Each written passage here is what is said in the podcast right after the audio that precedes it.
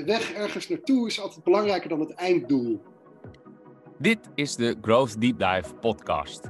Mijn naam is Jordi Bron, founder van growth hacking agency Red Panda Works.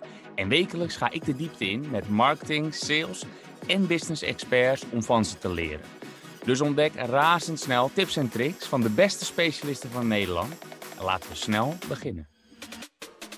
Yes, yes, yes. Uh, een nieuwe aflevering van de Growth Deep Dive podcast. Ja, een nieuwe podcast en ook een nieuw onderwerp, want we duiken in de wereld van storytelling. En dat doe ik vandaag met writer, musician, speaker en producer. Dat is nogal wat. Rogier van Kralingen. Rogier, welkom in de show. Dankjewel. Yes. Ja, writer, musician, speaker en producer. Dat is nogal wat. Ook in die volgorde qua belangrijkheid en je tijdverdeling, of dat niet? Um, nou, ik, ik, het, uh, dat zijn zeg maar de beroepstitels. Uh, ik, je moet het zo zien, ik schrijf alles wat los en vast zit. Ja, en dat, uh, dat is inclusief muziek. Ja, is inclusief muziek. Je, je maakt dus inderdaad muziek. Hè? Je bent musician, staat er dan inderdaad. Ja. Je schrijft. Je hebt ook een boek geschreven. Daar gaan we zo even kort over hebben. De Oude Web, daar ben ik even benieuwd naar. En vooral de ondertitel, teaser, tot nu toe. We houden hem even vast. Uh, maar we gaan het eventjes hebben over storytelling. En jouw bedrijf uh, heet The Whole Story. Wat doe je met je bedrijf? Uh, wij zijn een collectiefje van uh, mensen die, uh, die eigenlijk verhalen opmaken voor aan de ene helft het bedrijfsleven en de andere helft het, de kunst- en cultuursector. Ja. En um, we, we, we, eigenlijk alle verhalen die los en vast zitten. En um, uh, en vertalen dat door naar concrete dingen waar, waar organisaties wat aan hebben. Ja. Um, en ja, dus we leveren dan dingen af op schrift, maar ook op video of boeken, websites, je noemt het maar op. Ja. maar wij gaan heel diep, wij zitten heel diep op dat eerste deel. Het, het heel goed en gestructureerd opmaken van je verhaal. Juist goed en gestructureerd opmaken van je verhaal. Ja. Is dat dan ook meteen de kern van storytelling?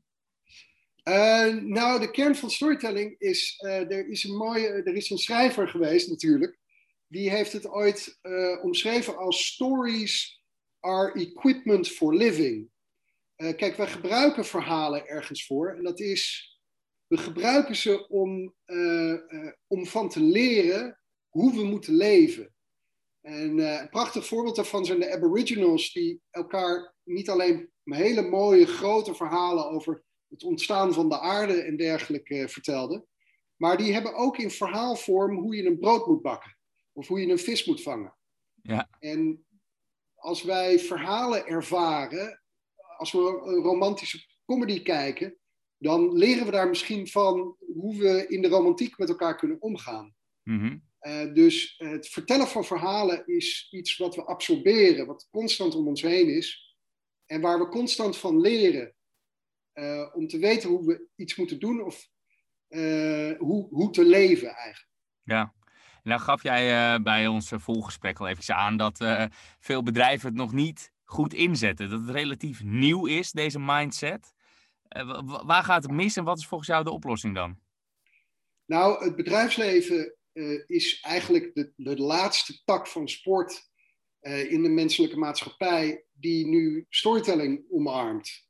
Ja. Uh, maar het vertellen van verhalen is, is, is duizenden, zo niet tienduizenden jaren oud. Ja. En nog voordat we een bedrijfsleven hadden, of überhaupt nog een economie hadden, waren we al verhalen in allerlei vormen aan elkaar aan het vertellen.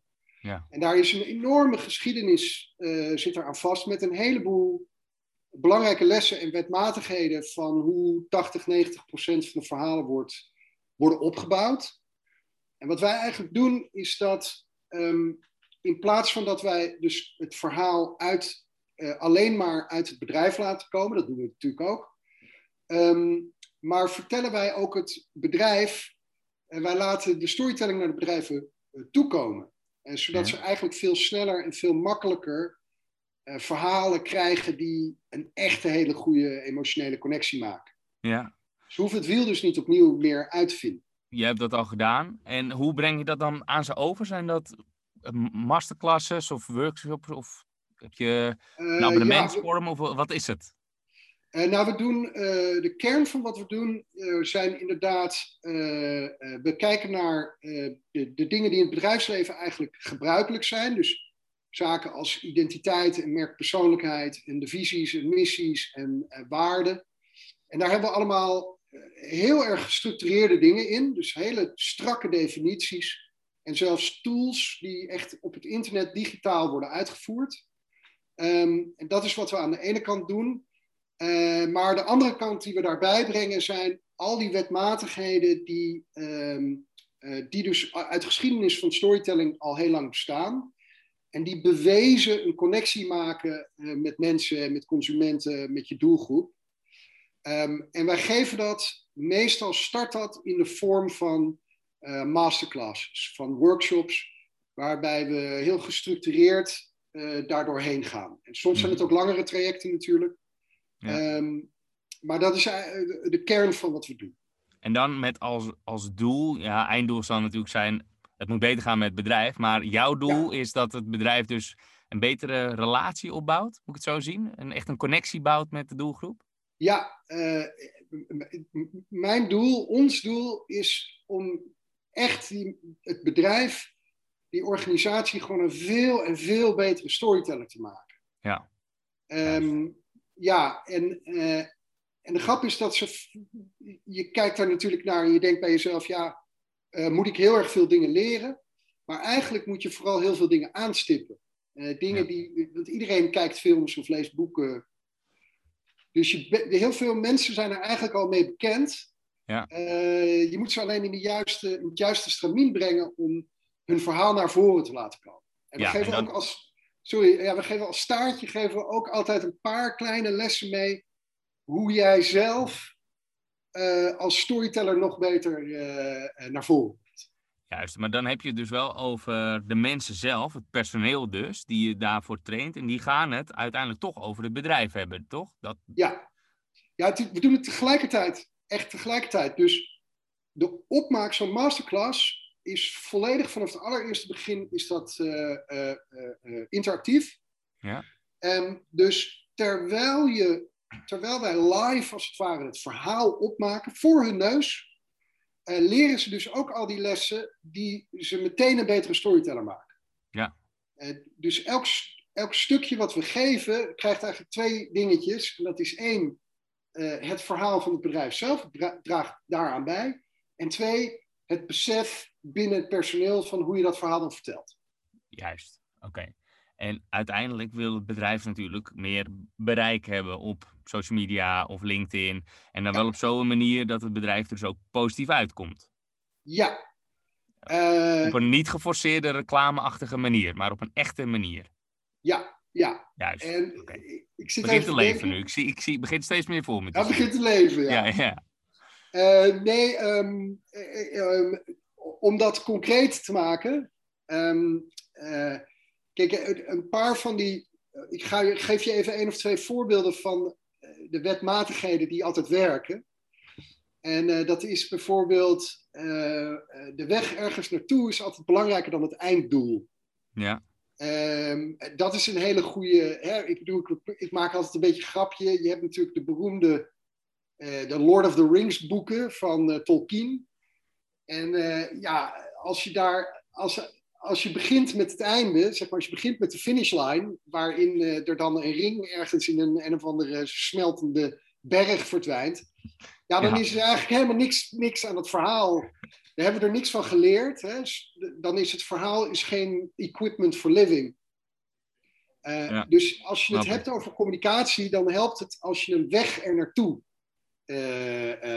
maakt een soort meer making-of. Juist, ja. Kijk, dit gaat om, om de weg en dan, dan toch, als je dat even zou moeten vertalen naar een, uh, een verhaal dus van een, van een persoon, is dus niet waarom hij, wat hij bereikt eigenlijk, dus wat over het product praten van een bedrijf, nee. maar meer over persoonlijke ontwikkeling of zo.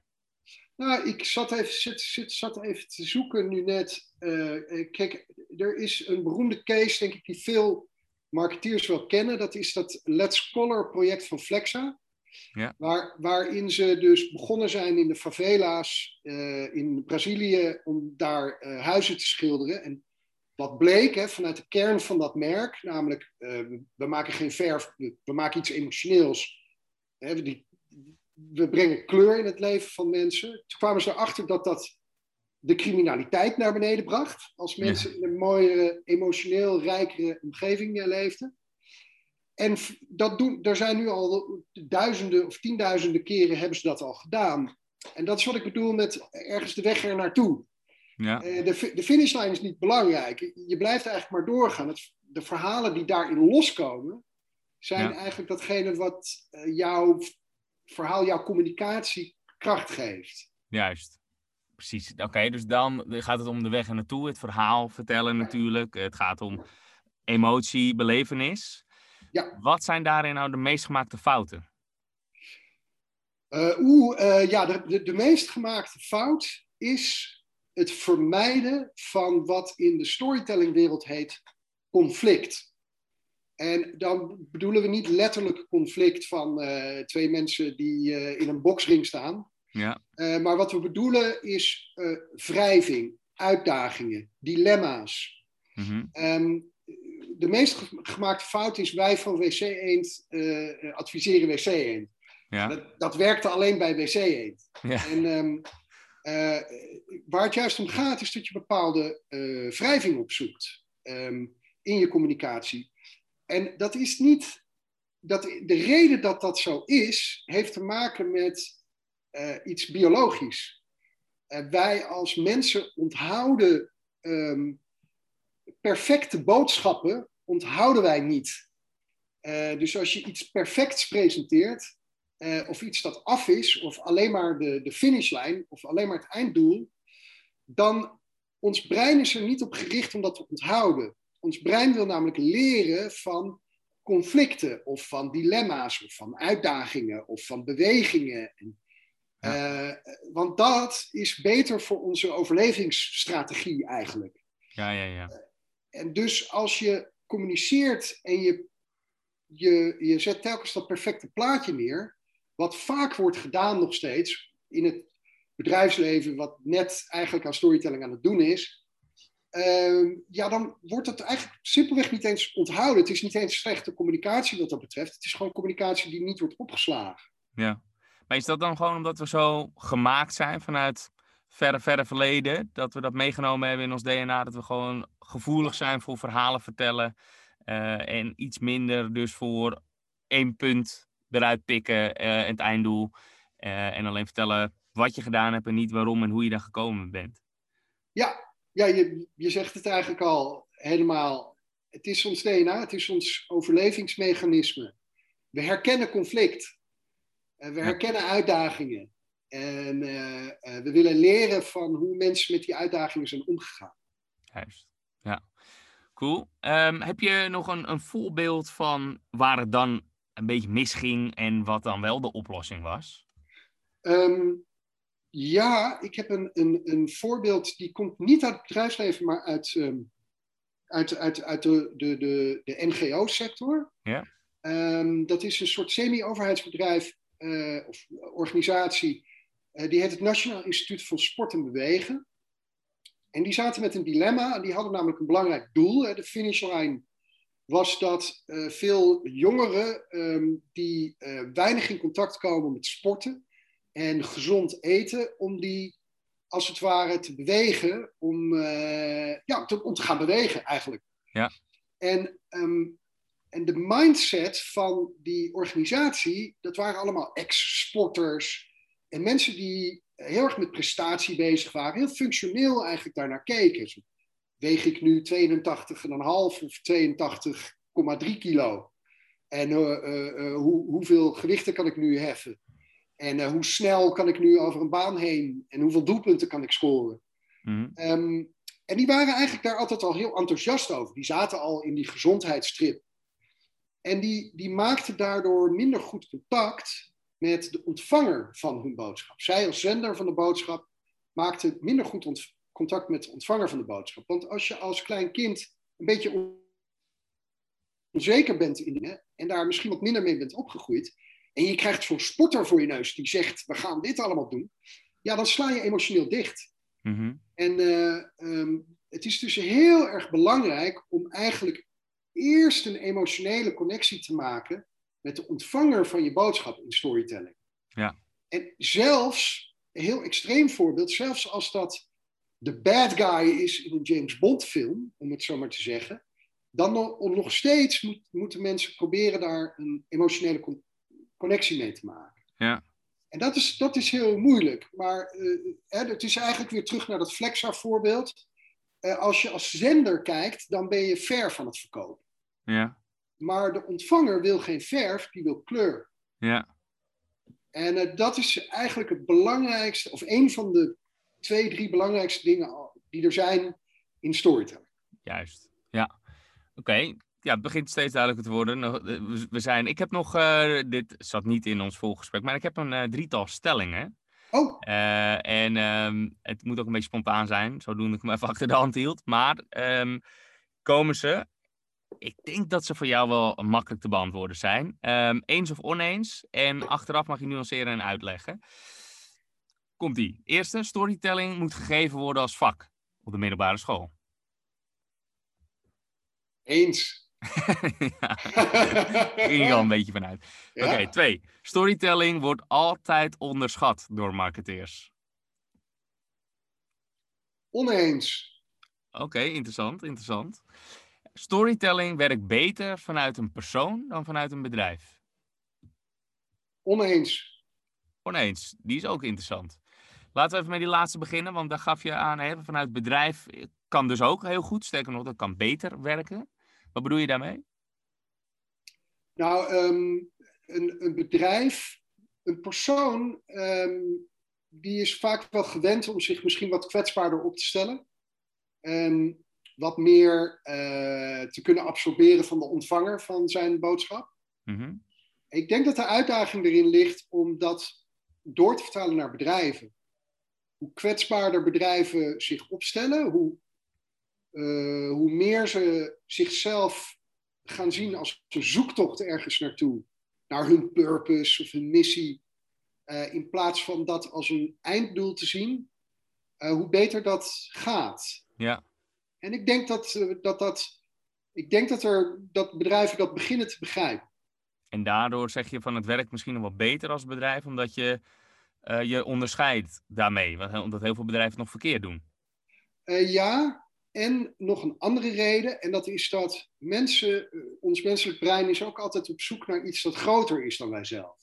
Oh ja. En wij, ehm, wij connecten met merken omdat die een bepaalde associatie bij ons oproepen. Eh, en dat is groter dan wij zelf. Ja. Er, zijn, er zijn mensen die het, het logo van Coco Chanel eh, als het ware op hun lichaam getatoeëerd hebben. Of mensen die zweren bij een levensstijl zoals die van eh, Harley Davidson. Ja. Ehm, dus, en dat zijn dingen die groter zijn dan wij zelf. Dus natuurlijk is het effect van een persoon die het verhaal vertelt, is persoonlijk. Nog steeds, ja, dat, dat, dat is extreem krachtig. Maar ik denk dat de grote winst, de grootste winst te vinden is bij bedrijven die dat gaan doen. Ja. Want die zijn groter dan wij zelf. Dus de- dan worden ze iets waar wij ons aan kunnen optrekken. Juist. Oké, oké. Dus inderdaad, je kan, eh, dan werkt het misschien, ik snap wat je bedoelt. Omdat je daar dan bij wil horen, je, je, je kijkt er tegenop. Dan kan het juist goed werken vanuit een bedrijf. Ja, is interessant. Ja, En, maar je zei ook, eh, marketeers onderschatten het helemaal niet. Storytelling. nee, ik, eh, ik, ik- toen ik, ik, ik schrijf ook veel marketingblogs, doe ik al jarenlang. En ehm, ik, 10, 15 jaar geleden was ik heel kritisch naar marketeers. Ehm, maar ehm, marketeers hebben de afgelopen 10, 15 jaar een enorme slag gemaakt. Eh, in, eh, als ik lezingen geef of workshops voor eh, universiteiten en zo. En daar, vroeger zaten daar in de zaal heel andere mensen dan nu. Nu zijn het vaak de topmarketeers van bedrijven. Terwijl vroeger er heel vaak meer allerlei mensen uit creatieve sectoren zaten. Ja, ja, ja. Ja. Ehm, en de grap is, daar waar ik 10, 15 jaar geleden heel veel kritiek had op marketeers, ehm, heb ik, het nu, heb ik eigenlijk nu een beetje te doen met marketeers. Uh, ze, hebben, ze hebben zo ongelooflijk veel wat er op hun bord ligt. Ja. En, um, Zoveel verschillende dingen tegenwoordig zijn, zo. meerdere kanalen. Ja, en de, de, de, we, hebben het on, ik, ik, we hebben dit ook onderzocht. En het meest gehoorde geluid is: we zijn het overzicht kwijt. Er weet je, we zijn in twintig jaar tijd van uh, tien uh, radio- en tv-kanalen naar 10.000 uh, potentiële communicatiekanalen gegaan. Ja. Voor een merkboodschap. Ja. En dan moet het ook nog veel dieper. En the journey is more important than the goal, hè, wat ik net vertel. Ja, ja, ja. En ik denk dat marketeers dat eigenlijk allemaal juist wel weten. Ik denk dat ze een enorme slag hebben gemaakt. Gedwongen, noodgedwongen door crisis en weet ik veel. Um, noodgedwongen zijn ze naar een veel hoger niveau getrokken.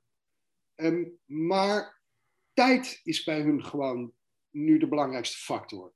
Ja. Dus ik denk dat ze het belang van storytelling heel goed begrijpen. Misschien de principes van storytelling nog niet. Uh, maar ja, daar zijn wij dan voor. um, ja.